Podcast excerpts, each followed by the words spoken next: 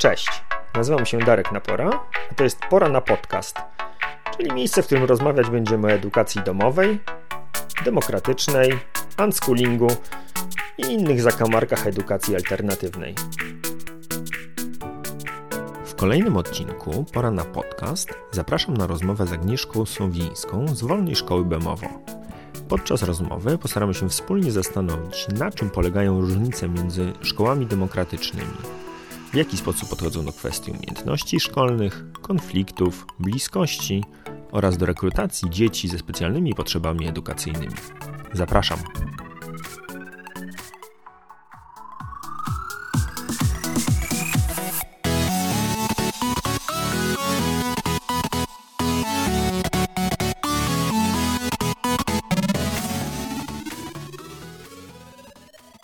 Pierwsze pytanie, klasyczek e, już u mnie, czyli co u ciebie żywe? Co u ciebie w sensie osobiście, co u was w szkole? Czym teraz żyjecie?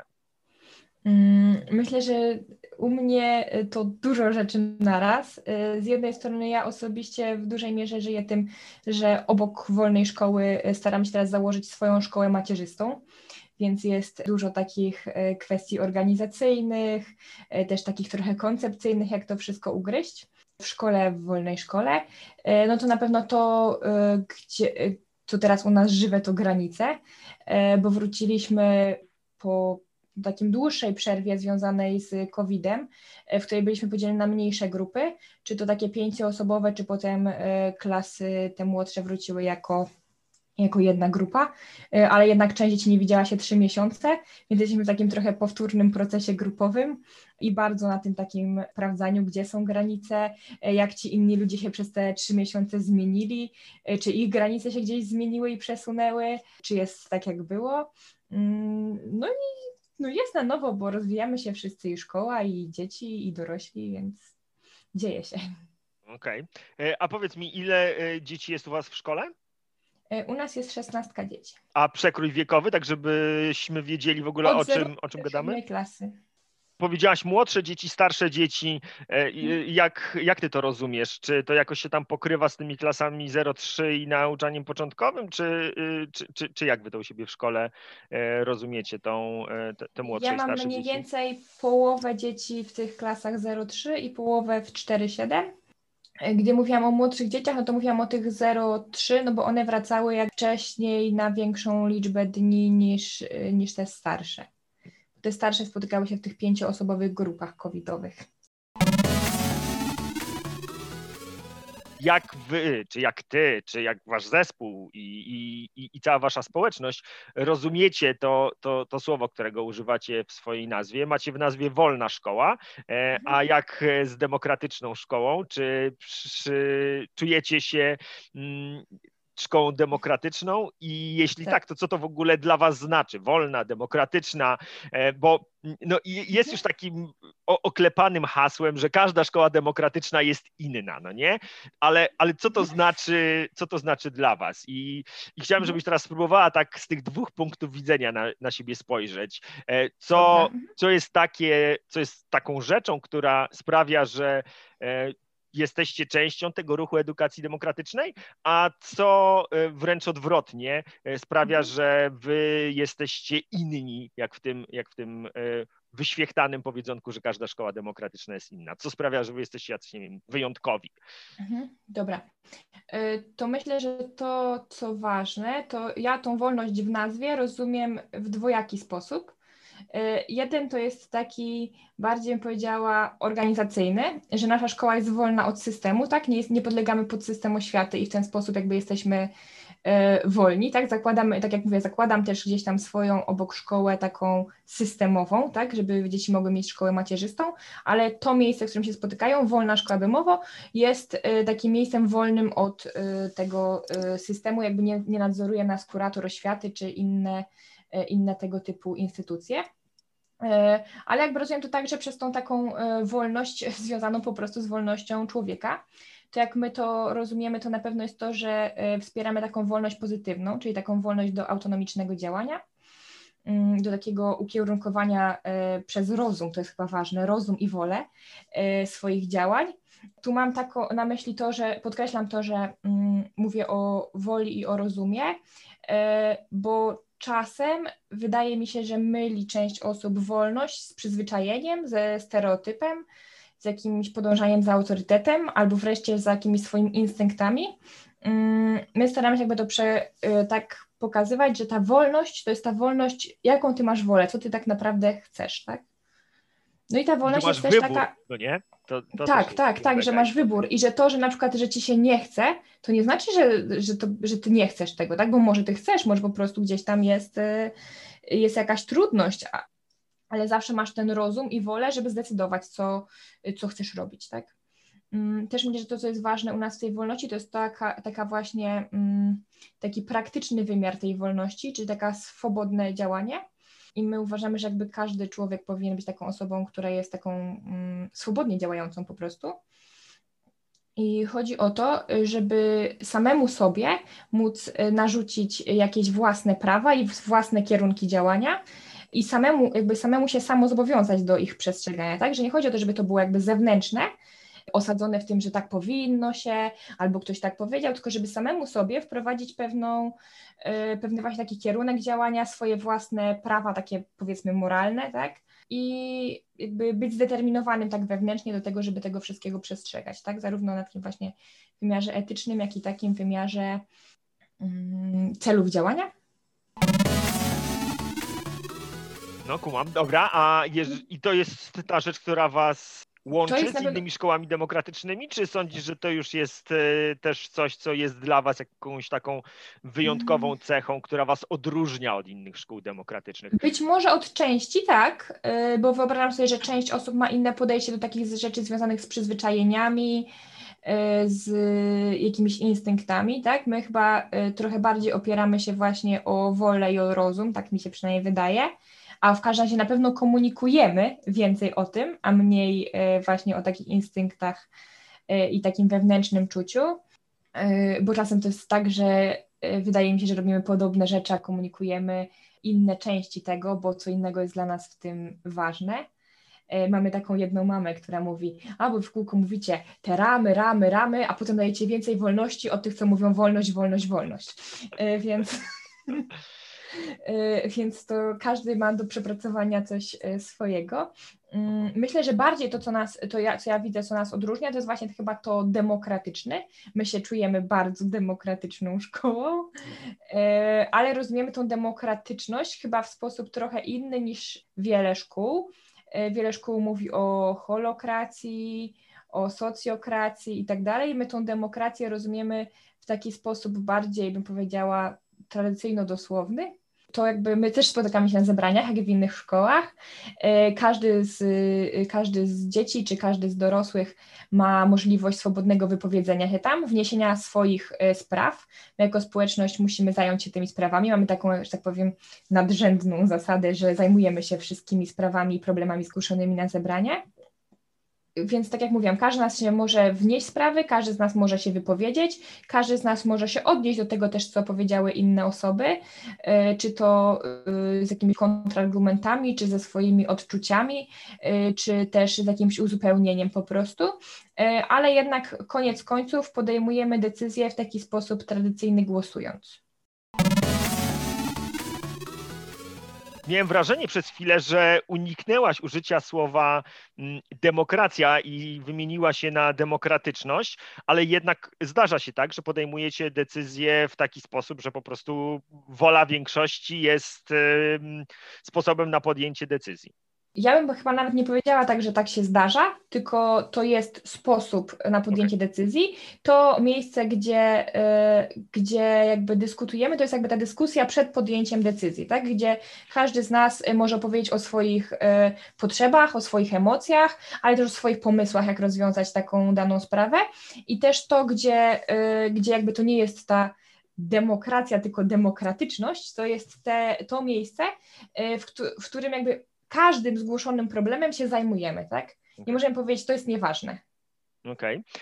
dobra. To ja pociągnę ten wątek w takim razie, bo mm, my z tą kwestią mamy bardzo często do czynienia podczas obozów i powoduje to u mnie turbo frustrację. Nie wiem, czy wy spotkaliście się z taką sytuacją, gdzie niestety to, to otwarte forum i ta przestrzeń na rozmowę sprawia, że mm, demokracja zupełnie zupełnie przestaje działać podczas tych naszych spotkań. I, a wygląda to w ten sposób, że zdarza się, że wystarczy jedna jakaś taka, wiesz, charyzmatyczna osoba, która e, albo ma po prostu pozycję e, w grupie, albo potrafi e, podczas tego spotkania zabłysnąć jakąś tam, jakimś tam wystąpieniem, które pociągnie za sobą większą grupę. I, i w zasadzie wtedy nie ma takiej przestrzeni na, nie wiem, jakieś przemyślenia, na jakąś, wiesz, nie wiem, autonomię myślenia, tylko no, za, zaczyna działać efekt tłumu, tak? Jeden gość powiedział, poszły za nim trzy osoby, dobra, to już robimy tak. I to jest jeden, jeden wzorzec zachowań, który, który mnie mega wkurza i kiedy stajemy pod ścianą podjęcia większościowo decyzji o czymś, to często to obserwuję, ale z drugiej strony są też takie jest też taki proces, który się czasami pojawia, gdzie ta demokracja zamienia się w takie game of stamina, e, że chcemy dać wszystkim przestrzeń na to, żeby mogli powiedzieć to, co jest dla nich ważne, tylko mhm. Przy tych kilkunastu osobach, jak ktoś e, ma gadane i zacznie opowiadać o tym, co jest dla niego ważne, to się robi tak, że jak dochodzimy do czwartej osoby, to wszyscy głowy zwieszone i tylko myślą, że dobra, cokolwiek, tylko wyjdźmy stąd, żeby już nie musieć się tym zajmować. E, czy nie, nie miewacie takich problemów e, z tą psychologią tłumu? To może ja powiem o tym trochę od innej strony. Myślę, że zdarzają się. My mamy zebrania dosyć często i jakby jesteśmy społecznością, która widzi się e, przez 10 miesięcy w roku, tak, a nie przez, nie wiem, dwa tygodnie obozu, więc myślę, że to też zmienia pewną dynamikę u nas jakby jest przestrzeń na to, żeby każdy mógł się wypowiedzieć, co nie znaczy, że każdy się w każdej kwestii wypowiada.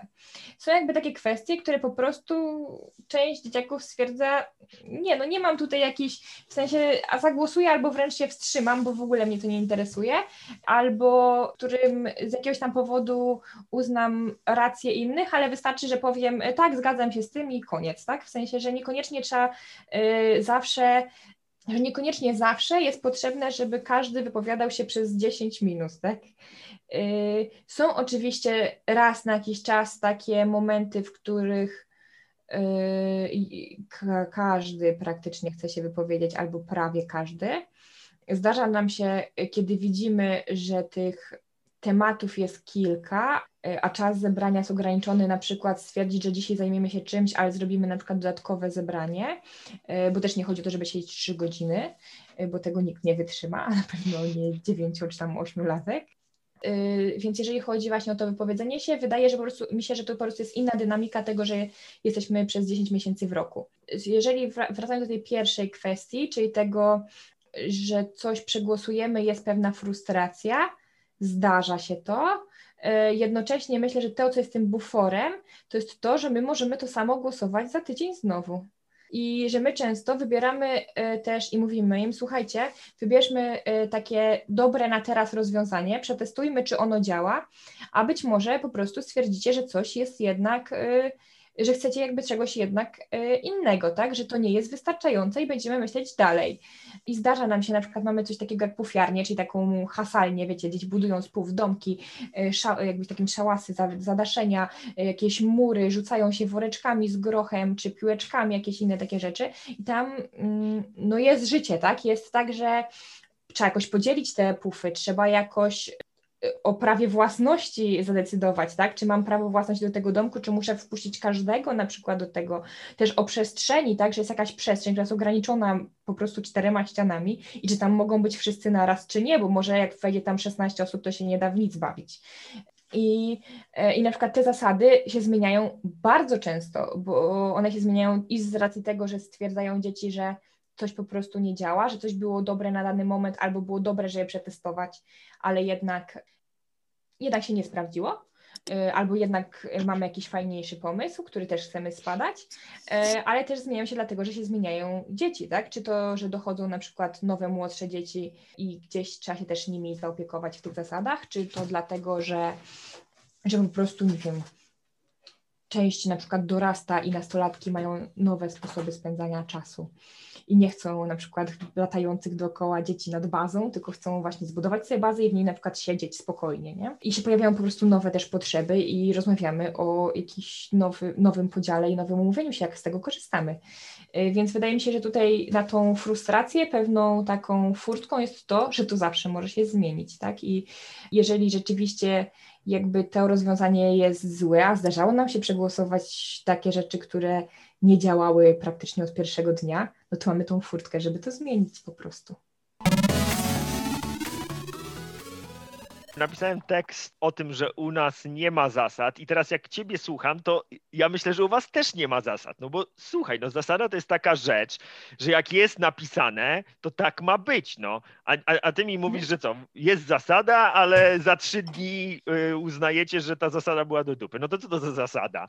Yy, bo my chyba traktujemy te zasady, yy, bo dobra, ja bym chyba powiedziała tak, że yy, jest y, pewna taka, bym powiedziała, nie wiem, mm, meta zasada, ale o niej może za chwilę, a to, o czym mówisz, że nie ma zasad, to e, jest bardziej coś takiego, że my mamy pewne zasady, czyli pewne umowy, tak? Że umawiamy się na przykład, że dzielimy pufy porówno, albo umawiamy się, że jest jakiś tam czas, w którym wszyscy mogą skorzystać e, z tej pufiarni, ale jest jakiś tam czas w ciągu dnia, w którym jest ta pufiarnia jakby zarezerwowana powiedzmy dla starszych, albo taki, w którym jest zarezerwowana dla młodszych. Yy, I że te umowy można, można negocjować po prostu, tak, na kolejnych zebraniach, można yy, je zmieniać, no tak jak w życiu, w życiu też zawieramy z kimś umowę, a potem jeszcze jest opcja zrobić aneks, jest opcja yy, rozwiązać taką umowę jakby, no po prostu te zasady, na które się umawiamy, to są jakieś takie umowy między nami, tak.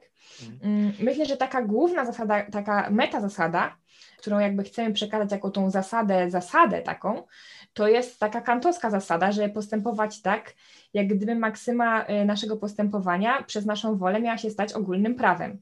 Czyli po prostu, y, żebyśmy my postępowali tak, jak chcielibyśmy, żeby ogólnie było, tak? Jak sobie myślę o tych procesach, czy o tych y, interakcjach, w których tych zasad potrzeba, czy które pewnych momentach takie sprawiają wrażenie, że potrzeba tych, e, tych zasad, e, to są, to są zazwyczaj właśnie takie punkty, których najwięcej i dzieciaki sobie wzajemnie, i dzieciaki dorosłym, i dorośli dzieciom e, mogą dać, jeżeli nie skwitują tego właśnie tylko tym, że słuchaj, taką mamy zasadę. I, i, i dla mnie to jest mega istotne, żeby, żeby właśnie pozostawało miejsce na ten proces, na tę relację, gdzie nie stawiamy na piedestale tego, że jakaś tam mhm. jest zasada, tylko co za tym stoi, tak? Że tam zawsze jest jakaś potrzeba, którą próbujemy w ten sposób zaopiekować czy zaspokoić. I, i dlatego ja tak się trochę boczę na to, na, na, na słowo mhm. zasady, bo ono mi się kojarzy właśnie z czymś takim, że jak tak żeśmy raz postanowili, to już tak zostanie, no nie? I, i, i że podpisaliśmy tutaj umowę na 10 e, miesięcy i przez 10 miesięcy tak, e, tak, tak ma być, mhm. koniec, kropka. Mm, e, więc... Ja myślę, że tutaj wchodzą dwie rzeczy. E, jedną jest to, że po prostu umówienie się na coś e, w dużej mierze jest po prostu efektywne. W sensie, że jeżeli na przykład dzieci przychodzą na te 5 godzin do szkoły i miałyby przez 3 godziny negocjować, bo co chwilę ktoś przychodzi nowy, jak podzielą te pufy, to wolą raz w tygodniu się umówić, tak, jak to robimy. I jeżeli stwierdzimy, że to się z jakichś powodów nie sprawdza, y, w tym czasie, który przeznaczyliśmy na to, żeby, żeby y, poświęcić na negocjowanie tych rzeczy, tak, znowu przegadać, jak chcemy, jak chcemy te pufy dzielić i czy nam w ogóle są podziały potrzebne tych pów, czy nie, bo może na przykład wystarczy, że mamy rezerwację, a może nam wystarczy czas dla młodszych i czas dla starszych. No to są bardzo różne y, możliwe strategie. Y, no niemniej jakby po prostu organizacyjnie to ułatwia życie wszystkim, nie tylko dorosłym, to ułatwia życie dzieciakom. A druga rzecz, y, to my też mamy tak, że my jesteśmy taką szkołą, która jest otwarta dla wszystkich i mamy też sporo dzieci z tak zwanymi specjalnymi potrzebami edukacyjnymi w tym sporo dzieci z zespołem Aspergera. I dla nich pewne ramy są po prostu potrzebne, tak? Niekoniecznie będą e, w stanie same zrozumieć każdą sytuację społeczną, ale właśnie taka rama, że coś robimy, od, e, na przykład, nie wiem, że są zajęcia zawsze o 10, krąg jest zawsze o tej i o tej godzinie, tak? E, czy, czy że, nie wiem, szkoła się kończy o tej godzinie, czy obiad jest o 13, są po prostu potrzebne. I tak samo są potrzebne pewne to nie znaczy, że muszą mieć powiedziane, że o tej godzinie bawisz się lalkami. Nie, to jest czas wolny na przykład, tak, gdzie możesz się bawić czym chcesz, albo możesz czytać, albo możesz zrobić to lub to lub tamto. Ale że gdzieś są jakieś tam stałe, tak, do których się odnosimy.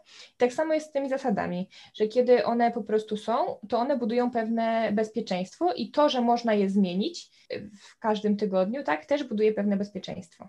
Hmm. I takie fizyczne, i takie emocjonalne. No, to są te ramy i struktura, no nie, o których wspominałaś, tak. E, które, które są u Was jakoś tam ważne.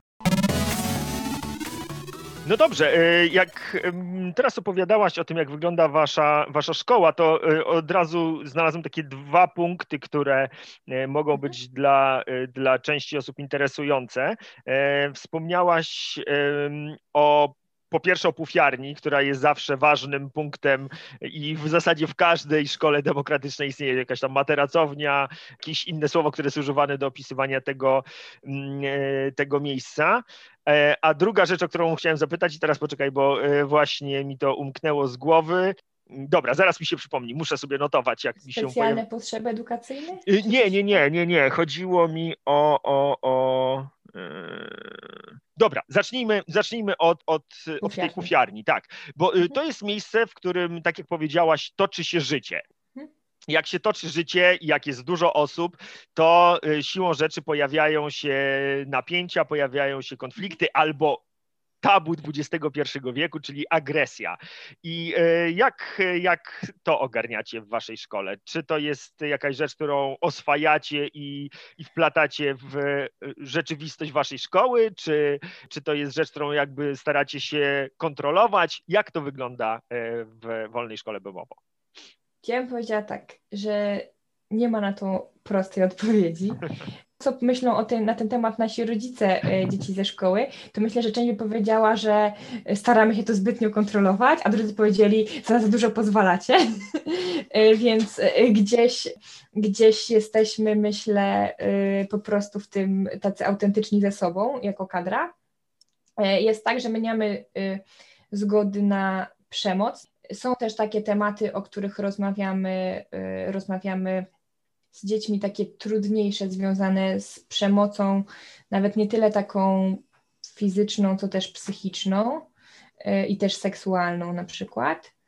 Ale myślę, że to, gdzie jakby jest pewna gra, to, co, o, to, co by nas odróżniało, y, to jest to, że z jednej strony bardzo wiele rzeczy uważamy, że należy przegadać z dzieckiem, czasem należy przegadać trójstronnie y, albo w ogóle z dziećmi, tak? Bo to zależy, czasem to jest różnie, czasem lepiej przegadać to z jednym dzieckiem na osobności takiej, wiecie, szczerej rozmowie, takiej yy, słuchaj, widzę coś tam, to może być gdzieś tam jakoś odbierane albo jakoś nieodbierane yy, i że mi też z tym jakoś jest niezręcznie albo źle, ale y, albo z dziećmi, tak, bo czasami to też są jakieś problemy takie, które są y, po prostu na forum, albo które dotyczą po prostu kilku osób, tak, y, w których jakby są świadome na przykład dwie strony konfliktu, że coś się zadziało, albo że są dwie strony jakiegoś konfliktu, jeszcze jest, nie wiem, jakiś obserwatorzy, tak to nazwijmy, więc to może być bardzo różnie, ale myślę, że to, co nas odróżnia, to właśnie to, że staramy się tutaj rozmawiać, ewentualnie próbować rozmawiać z rodzicami,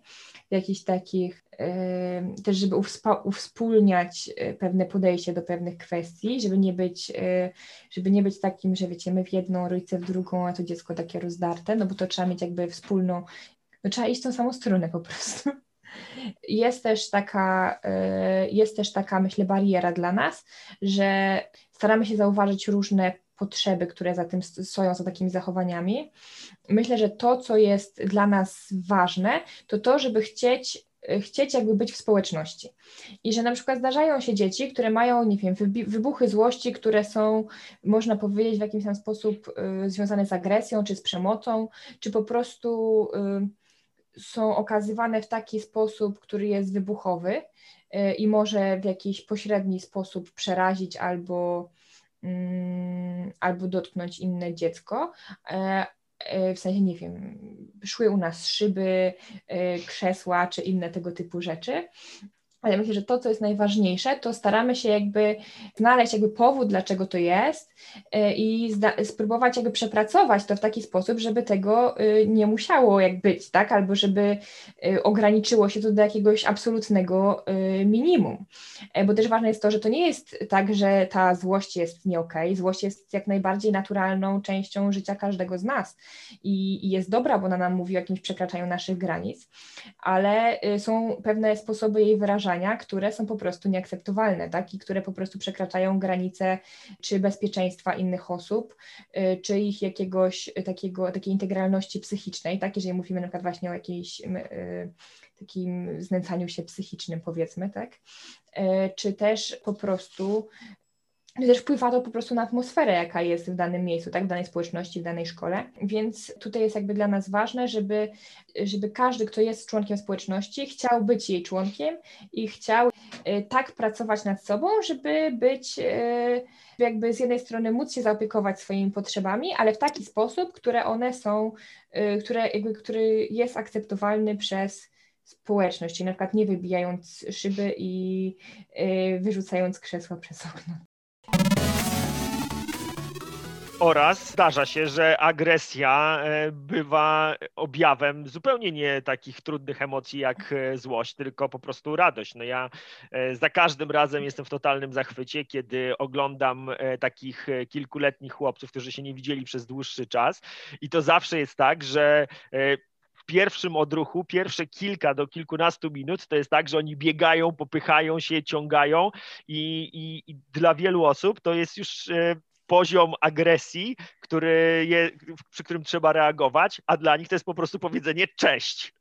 A, y, to nie, to my, y, ja jakby nie mam problemu chyba w ogóle z tym, że dzieci wchodzą w interakcje ruchowe i w interakcje fizyczne. Nie, to jest całkowicie dla mnie naturalne, y, w sensie, nie wiem, jakby wydaje mi się, że gdzieś się chyba zagubiliśmy w tej kulturze, że jest nienaturalne jakby właśnie to, taka fizyczność po prostu. Nie, to u nas dzieciaki oczywiście bawią się w jakieś zabawy, które są związane z fizycznością, się nie wiem, od piłki nożnej po właśnie te różne zabawy w tej pufiarni, gdzie się też popychają, podcinają, nie wiem, kopiąc w tą piłkę, czy, czy nawet też, że się sparingują, tak, i że gdzieś tam próbują się w takich kwestiach fizycznych i to nie jest dla mnie nie okej, okay, to jest jak najbardziej naturalne. Też w ogóle y, Aleksander Kamiński kiedyś powiedział, y, wszyscy go znają, wiecie, jako Kamina Szaniec, ale to w ogóle był jeden z takich czołowych pedagogów tamtych czasów, to on powiedział, chłopcy muszą się bić i to jest naturalne, tak, jakby oni po prostu po, potrzebują tego.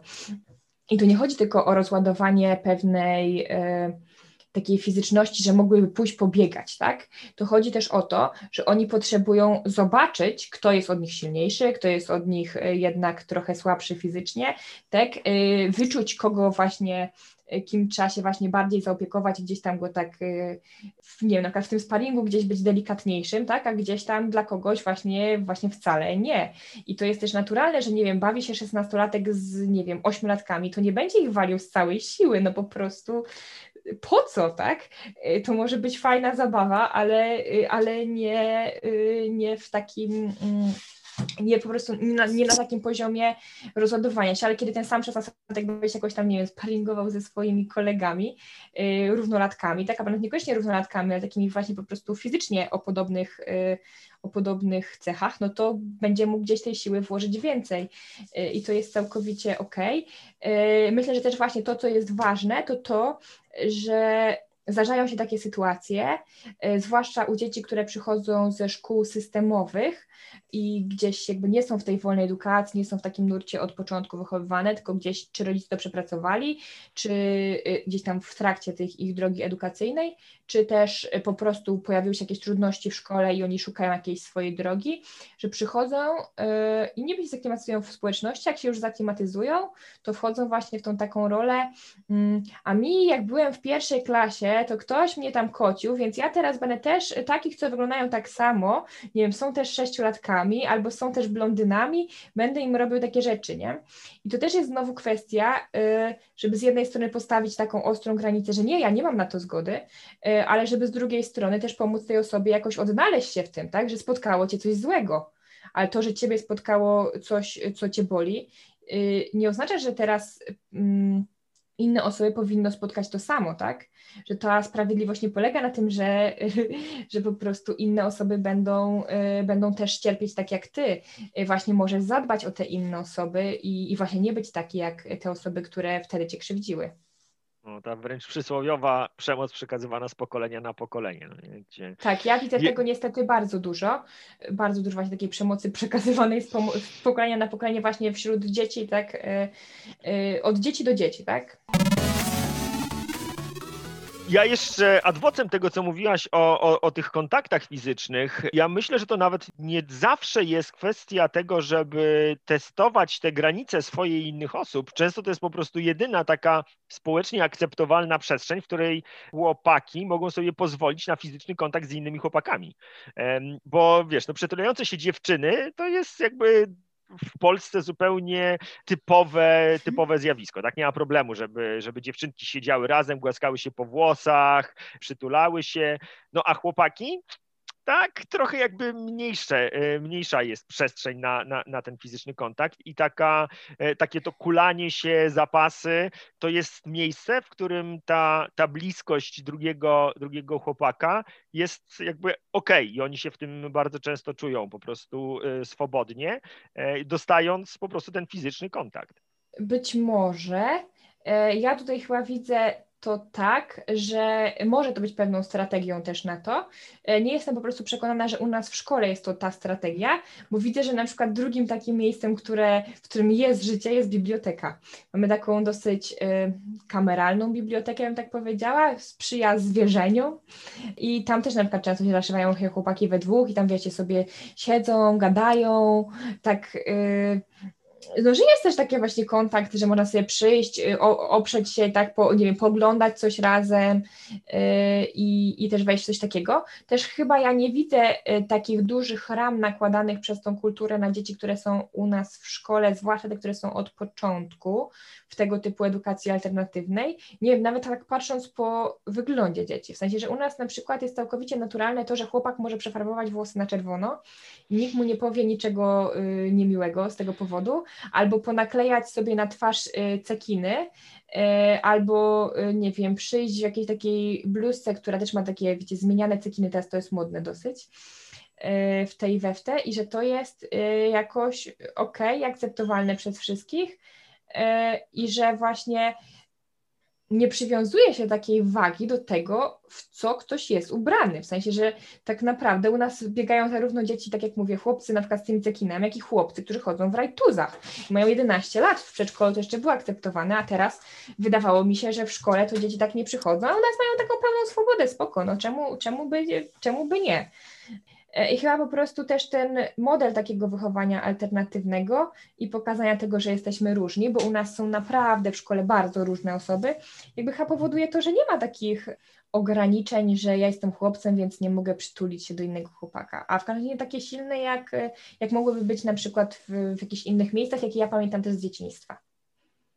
No dobra, to dzięki, że to powiedziałaś. Mój film w takim razie, rzecz, którą ja obserwuję, bo jednak e, my najczęściej mamy mm, kontakt z, te, z dziećmi, które większość czasu spędzają jednak w takim środowisku systemowym, jakie, jakie określiłaś.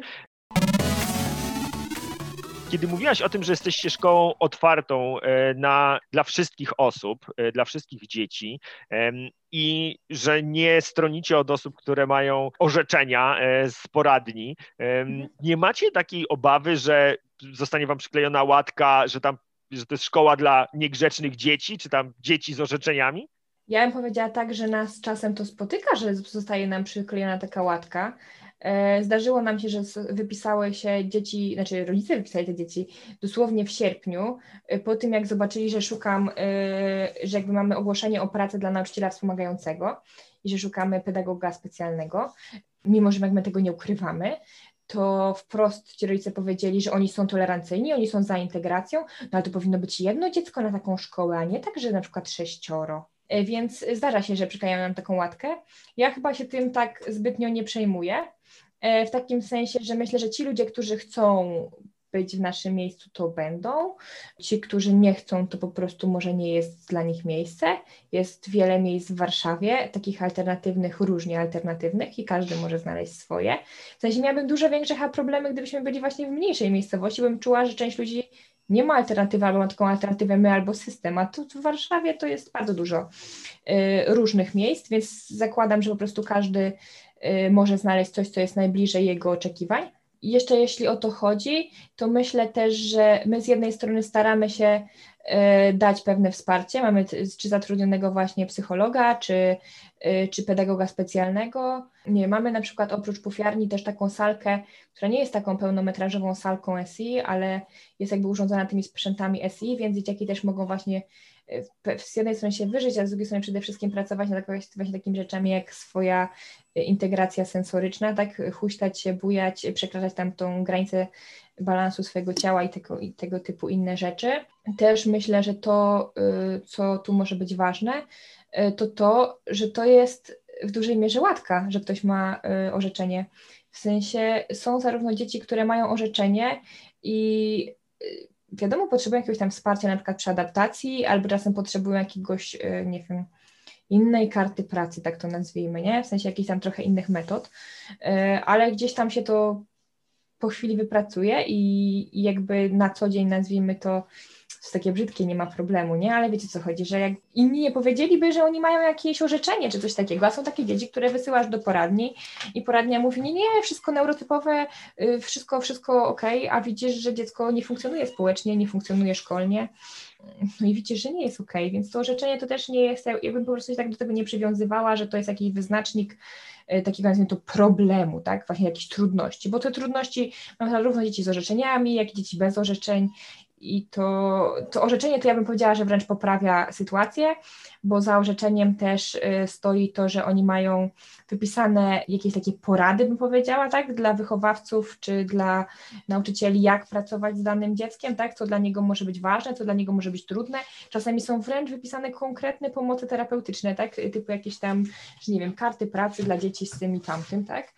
Y, I to jest naprawdę po prostu pomocne, żeby dziecko mogło też się rozwijać w swoim tempie i swoją ścieżką, bo też ja na to patrzę trochę tak, że nie ma co starać się wszystkich doprowadzić do tego, że wszyscy byli jednakowo dobrzy we wszystkim, lepiej budować na jakichś mocnych stronach, tak? I każde dziecko to z orzeczeniem tak, że ma bardzo wiele swoich mocnych stron i często ma dużo bardziej, dużo większą świadomość swoich mocnych stron, niż, y, niż takie dziecko, które nie ma tego orzeczenia i właściwie to ma, mogłoby mieć czwórkę ze wszystkiego, lubić właściwie wszystkich, ale właściwie to nikogo i, i gdzieś takie jest rozbite cały czas między, między różnymi opcjami, tak.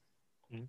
E, no i e, szczególnie kiedy już e, zafunkcjonujecie jako szkoła niepubliczna na prawach szkoły publicznej, to te orzeczenia, i moim zdaniem to też jest bardzo ważna informacja dla rodziców, idą konkretne pieniądze, bo za tak, takim tak. dzieckiem po prostu tych pieniędzy idzie zdecydowanie więcej. Ja nie wiem teraz, jak to wygląda w Warszawie, ale no to jest kilkakrotna, kilkakrotna różnica w porównaniu do dziecka neurotypowego. I też wydaje mi się, że to jest istotne, żeby komunikować to rodzicom, bo moje doświadczenie jest takie, że z jakiegoś powodu e, rodzice często strasznie się bronią przed e, uzyskaniem tego, tego orzeczenia. Tak jakby to była taka po prostu już e, przekreślenie czegokolwiek, co to dziecko kiedykolwiek mogłoby by osiągnąć. Natomiast to, o czym ty powiedziałaś, czyli te wskazania od, y, od specjalisty, dodatkowe, dodatkowe środki sprawiają, że e, szkoła jest w stanie zaopiekować e, potrzeby tego dziecka zdecydowanie lepiej niż kiedy chowamy głowę w piasek i udajemy, że, że wszystko jest ok i, i nie, problemu nie ma. Nie wiem, jak ty to odbierasz. Y, nie, to ja odbieram to podobnie. Jeszcze bym chyba tak uściśliła, że ta wysokość, jaką, jaka idzie za orzeczeniem, to jest różna w zależności od różnych diagnoz uh-huh. i różnych jakby tych trudności, w sensie, że to może być kilkaset złotych, a może być kilka tysięcy złotych, które idzie za jednym dzieckiem. Też myślę, że to, co jest tutaj y, ważne, to tak, to co mówisz właśnie, że to wsparcie, y, wsparcie właśnie specjalistów, też te pieniądze na to, żeby właśnie móc na przykład zapewnić pewne rodzaje terapii, y, czy pewne rodzaje wsparcia, bo to niekoniecznie musi być terapia, to czasami właśnie może być na przykład nauczyciel wspomagający, i on może służyć tak naprawdę, znaczy teoretycznie służy do organizowania procesu nauki, ale tak realnie to może zarówno służyć do tego, żeby właśnie pomóc konkretnie dziecku z jakąś trudnością, tak i na przykład coś wytłumaczyć dodatkowo oprócz tego nauczyciela w klasie, jak i może to być też po prostu taka osoba, która pomoże w pewnych na przykład właśnie interakcjach społecznych, tak i wytłumaczy na przykład, co się zadziało.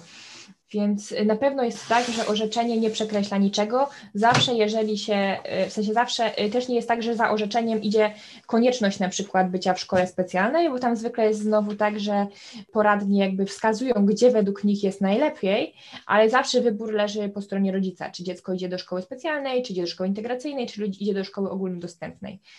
Więc zawsze też pokazują różne możliwości, różne ścieżki w tym wszystkim y, i myślę, że lepiej otrzymać takie wsparcie specjalisty niż, y, niż próbować jakichś rzeczy na własną rękę. No zwłaszcza, gdy się widzi, że te trudności są gdzieś jakieś takie y, duże, bo też jak patrzę po starszych dzieciach, które są diagnozowane w wieku takim już powiedzmy późno szkole, to nie wiem, w piątej, szóstej klasie, to często to, co one przeszły jakby w tych wcześniejszych latach szkolnych, to jest jakoś dla nich trudne, tak? Bo nie wiedziały też, co się z nimi dzieje, dlaczego one na przykład czegoś nie rozumieją, a potem widział, wychodzi, że to jest, nie wiem, jakiś analizator na przykład i że można było pracować po prostu na jakiejś, nad analizą wzrokową i było dużo prościej takiemu dziecku, e, ale ono w międzyczasie już tutaj się nie naumiało, tu dostało łatkę jakiegoś na przykład średniego albo słabego ucznia, e, tutaj, e, nie wiem, krzywo kopnęło piłkę, więc już sportowcem to też w szkole już uznają, że nie.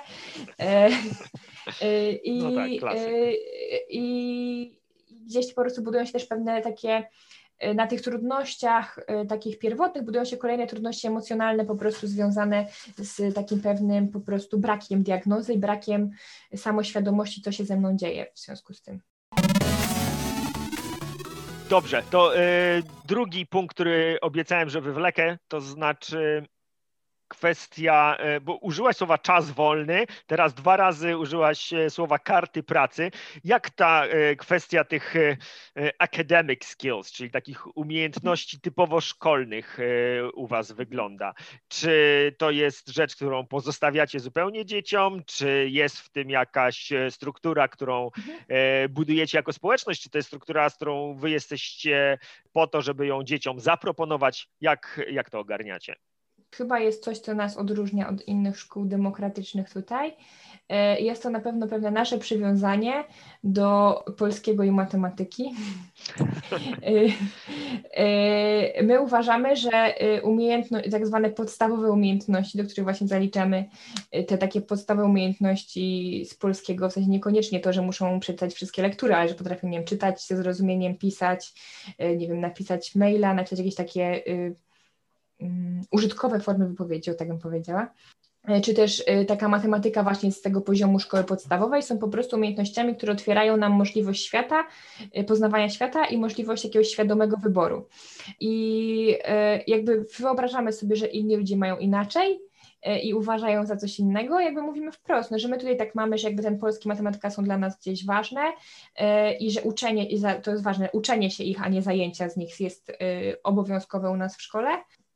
Przy czym jakby, tak jak mówię, to nie jest tak, że ja oceniam wszystkich ludzi, którzy uważają, że to nie jest ważne, że oni są jakimiś, nie wiem, zwyrodnialcami czy coś takiego, e, no tylko po prostu ja tworzę miejsce, w którym ja chcę być zgodna ze sobą, tak i dla mnie to jest ważne, jakby mówię to też wprost rodzicom na początku. I jakby u nas w szkole uczenie się polskiego i matematyki jest obowiązkowe, dzieci to realizują na trzy różne sposoby, albo chodzą na takie zajęcia, czyli te takie lekcje, albo proszą o, jak oni mówią, kserówkę, to jest takie zadanie od nauczyciela, to niekoniecznie musi być kserówka, albo wymyślają swoje zadania. No i wśród tych swoich zadań są bardzo różne rzeczy, od jakiegoś tam prowadzenia sklepiku, przez wydawanie swojej gazetki, pisanie swoich recenzji gier na przykład komputerowych, yy, więc tam mogą być bardzo różne jakieś takie aktywności. No jakby ważne jest dla nas to, żeby się rozwijały dzieciaki właśnie w tych umiejętnościach polonistycznych i tych takich matematycznych. I te zadania jakby też y, takie indywidualne, indywidualne przez nich zaproponowane też jakby omawiają z kimś dorosłym, kto odpowiada za dany przedmiot dla danej klasy. Uczymy też w szkole jakichś innych przedmiotów takich szkolnych typu historia, biologia i tak dalej. Uczenie się ich nie jest obowiązkowe. Obowiązkowe jest przystąpienie do egzaminów i mówimy wprost, że jakby mogą to dzieci zaaranżować na różne sposoby, zarówno takimi nazwijmy to cotygodniowymi zajęciami, jak i tym, że się e, przysiądą i na przykład przez dwa tygodnie pouczą jakoś tam bardziej intensywnie. E, jedni wolą po prostu poczytać na przykład podręcznik i się umówić na to, żeby ich odpytać z jakichś tam rzeczy. E, inni wolą się umówić, że nie wiem, wypełniają właśnie jakieś ćwiczenia czy karty pracy i że zdają na przykład po miesiącu jakiś egzamin. To dzieciaki mają bardzo różnie też ważne dla nas jest to, że jakby my w tej sytuacji jesteśmy trójstronnie, w sensie są dorośli w szkole, są dzieci, ale są też rodzice e, i że dla nas jakby wszystkie te potrzeby są, są ważne. I w momencie, kiedy nie mamy jakiejś jasności, jak chcemy daną kwestię rozwiązać, no po prostu rozmawiamy indywidualnie, jakby indywidualnie, trójstronnie, e, jak chcemy coś rozwiązać, bo na przykład czasem się zdarza, że są dzieci, które umieją na przykład angielski na super poziomie i właściwie to, jak mają na przykład auperkę w domu, to nie wiadomo, czy jest im potrzebny ten angielski w szkole, czy nie. Może, może wszyscy się zgadzamy na to, że nie jest potrzebny, a może, może lepiej jest czas poświęcić na coś innego, czy to na zabawę, czy to na, przykład na naukę jakiegoś innego przedmiotu, który na przykład jest dla nas tam pasjonujący. Yy, yy, czy, czy tak samo może jest ok, żebym podszedł do egzaminu, nie wiem, w listopadzie dostał dwóje i już się nie uczył go do końca roku? Yy, jakby no dla nas ważne jest to, że jesteśmy w pewnym systemie i też dzieci, które nie zdadzą w tym systemie, to wracają, do, w sensie nie zdadzą w edukacji domowej, wracają do systemu, więc też ważne jest dla nas to, żeby jakby być tego świadomym, tak, żeby z jednej strony to nie był taki straszak, ale żeby z drugiej strony była to świadoma decyzja, że, że jeżeli stwierdzę, że nie zdaję iluś tam rzeczy, bo to wiadomo, jest tak jak w szkole zwykłej, że jeżeli nie znam jednego przedmiotu, to mam jakąś tam poprawkę, ale jak nie znam sześciu, to mogę nie być w stanie się nauczyć przez wakacje do sześciu przedmiotów i w ogóle czy to fajnie mieć wakacje spędzone na czymś takim. Więc gdzieś tam staram się budować tą świadomość i jakoś tak, jakoś tak zaaranżować to wszystko, żeby, y, żeby po prostu wybrać, co dla nich jest interesujące i to chcą rozwijać, a co chcą po prostu y, zdać na ten, i też na jaką cenę. Są takie dzieci, które po prostu mówią wprost, mnie nie satysfakcjonuje mniej niż 4-5, a są takie dzieci, które mówią, no tam, no chciałbym z tej historii, co ją lubię mieć tą piątkę, ale z innych rzeczy to tam właściwie wiem, wiem co to jest korzeń, co to jest liść i coś tam napiszę albo, albo nie napiszę yy, i się przekonam po prostu, że nie napiszę i napiszę poprawkę, tak, też jest taka opcja. Yy, ale tak jak mówię, tu jakoś taka nasza ta nasza taka y, odmienność chyba od innych szkół demokratycznych to to przywiązanie do polskiego i matematyki jako podstawowych umiejętności. E, I też jakby mamy też inne zajęcia, nie tylko takie szkolne. Dzieciaki je wybierają. One takie, większość z nich ma żywotność około trzech miesięcy. Wyjątkami jest gra fabularna terenowa, która jak na razie ma żywotność trzech lat i z drobnymi, e, naprawdę drobnymi przerwami na, nie wiem, chorobę dorosłego, który to prowadzi. Też dosyć dużą żywotność ma u nas sensu plastyka a reszta zajęć jakieś rękodzieło, gry i zabawy w lesie, survival, gotowanie, jakieś, nie wiem, jakieś tam jeszcze gry planszowe, gry sieciowe, gry RPG, nie wiem, co tam jeszcze mieliśmy, jakieś y, zajęcia gimnastyczne, y, mają krótszą żywotność i zwykle, tak jak mówię, po około trzech miesiącach albo dzieci same przychodzą, że chcą coś innego, albo my gdzieś tam jako dorośli jest stopniowe wykruszanie się z tych zajęć i zapytujemy po prostu, ej, czy to w ogóle ma jeszcze sens, czy może chcecie coś innego wtedy zwykle stwierdzają, że albo jeszcze chcą, albo że chcą coś innego, tylko rzeczywiście gdzieś, gdzieś przyzwyczaili się po prostu, bo na przykład to już nie były trzy miesiące, tylko cztery już, przecież zawsze tak jest. a jednak trzeba się właśnie tą kierować tą wolą, a nie tym przyzwyczajeniem, tak? Cztery miesiące to już zawsze. Słuchaj, e, to e, tylko gwoli uściślenia, znowuż dla osób, które zechciałyby decydować się na, na waszą szkołę. E, wy funkcjonujecie w oparciu o edukację domową, to znaczy dzieciaki tak. są zapisane do różnych szkół, z tego co wiem. Tak. Nie, nie tak, że wszystkie są w jednej i podchodzą tam do egzaminów raz w roku, które klasach 0-3, czy w zasadzie 1-3 e, mają po prostu do zaliczenia taki jeden egzamin, e, w którym są wszystkie elementy tego nauczania zintegrowanego. Nie, u Was to wygląda inaczej. No to dawaj, to opowiadaj. Są dwa egzaminy, jest nauczanie zintegrowane i osobno jest angielski. A, u Was jest oddzielnie. No to i to się odbywa też fizycznie oddzielnie, tak? Na, na dwóch oddzielnych? Tak, to są fizycznie dwa oddzielne arkusze okay. i fizycznie to są dwóch oddzielnych egzaminatorów. Ja współpracuję obecnie łącznie z pięcioma szkołami. E, też dlatego trochę e, zakładamy swoją, że gdzieś ta. Zaraz będę Cię o to pytał.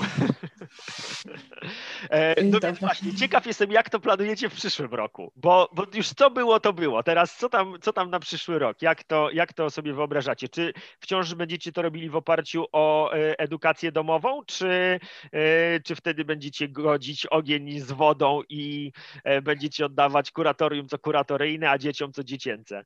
Nie, dalej będziemy pracować w oparciu o edukację domową. E, też trochę z potrzeby łatwości. Gdzieś w ogóle ta nasza szkoła powstaje w dużej mierze z potrzeby łatwości, wynika to trochę z tego, że tak jak mówiłam, mam dzieci w pięciu różnych szkołach, e, w związku z czym to są jest pięć różnych egzaminów, pięć różnych terminów egzaminów, pięć różnych nauczycieli każdego z przedmiotów, z którymi trzeba, nie wiem, ustalić, e, kiedy oni mogą przyjść, e, albo czy, do, czy ta prezentacja to ma być taka, czy jednak trochę inna, a jednak gdyby to był jeden nauczyciel na przykład fizyki, a nie czterech, czy tam iluś, to byłoby łatwiej. I e, więc dlatego trochę też zakładamy swoją szkołę. Gdzieś ja mam taką ideę, że być może y, w dłuższej perspektywie czasowej, być może, ale nie mam takiej pewności, ale mam taką ideę, że być może dałoby się prowadzić szkołę demokratyczną nie w systemie edukacji domowej. E, jednakowoż wymaga to na pewno na tyle dużo pracy ze strony dorosłych, takiej pracy papierkowej, że na ten moment jakby ja się tego nie podejmuję po prostu. Niemniej wydaje mi się, że prawo oświatowe mamy dosyć otwarte, y, dosyć nawet dobrze napisane. No tylko tak jak mówię, y, znowu z potrzeby łatwości, ludzie biorą właśnie na przykład gotowe programy nauczania, y, gotowy podział na przedmioty i tak dalej, gdzie wcale jakby to prawo oświatowe nas do tego nie obliguje. Dobra, czy chcesz jeszcze coś dodać? Bo z, mieliśmy się streścić, żeby wyszedł krótszy odcinek. Ja jeszcze oczywiście mam milion pytań, ale myślę, że taki zarys i, i, i zajrzeliśmy w kilka ciekawych okienek waszej szkoły. Czy coś jeszcze, co chciałabyś e, na koniec powiedzieć o was, o tym, jak, e, jakie jeszcze rzeczy planujecie na przyszłość, albo co już zostawiacie i, do, i, do, i nie chcecie do tego wracać? To, co mi przyszło teraz do głowy, kiedy to mówiłeś, to to, że y, jeżeli ktoś czuje, że chciałby spróbować takiej edukacji domowej, czy właśnie edukacji demokratycznej, czy w ogóle jakiejś innej alternatywy, to można spróbować i zawsze to może być próba, a nie decyzja na, na zawsze, bo z edukacji domowej w każdym momencie można wrócić do edukacji takiej stacjonarnej, jeżeli się to Wam nie sprawdzi. I tajemnica Poliszynela, że z edukacji systemowej zawsze można wrócić do edukacji domowej, czyli to, o czym tak. powiedziałaś, jak się nie zda egzaminu i jeszcze raz się chce zdecydować na edukację domową, no to pozostaje tylko e, decyzją dyrektora, czy e, może dziecko, pomimo tego, że nie zdało w poprzednim roku egzaminów, raz jeszcze zapisać się do, e, do tej czy innej szkoły. Także, e, także ten niezdany egzamin to też nie jest tak, że, że to już jest zamknięcie wrót do edukacji domowej. Można tam zawsze wrócić.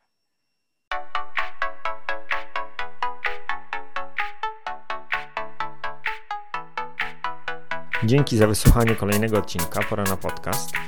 Jeśli uważasz, że był wartościowy, cenny, ciekawy, to zachęcam Cię do udostępnienia go. Jeśli masz jakieś pytania, wątpliwości dotyczące edukacji domowej albo któregoś z tematów, który poruszaliśmy w odcinku, to zapraszam Cię do kontaktu. Mój adres znajdziesz w opisie tego odcinka.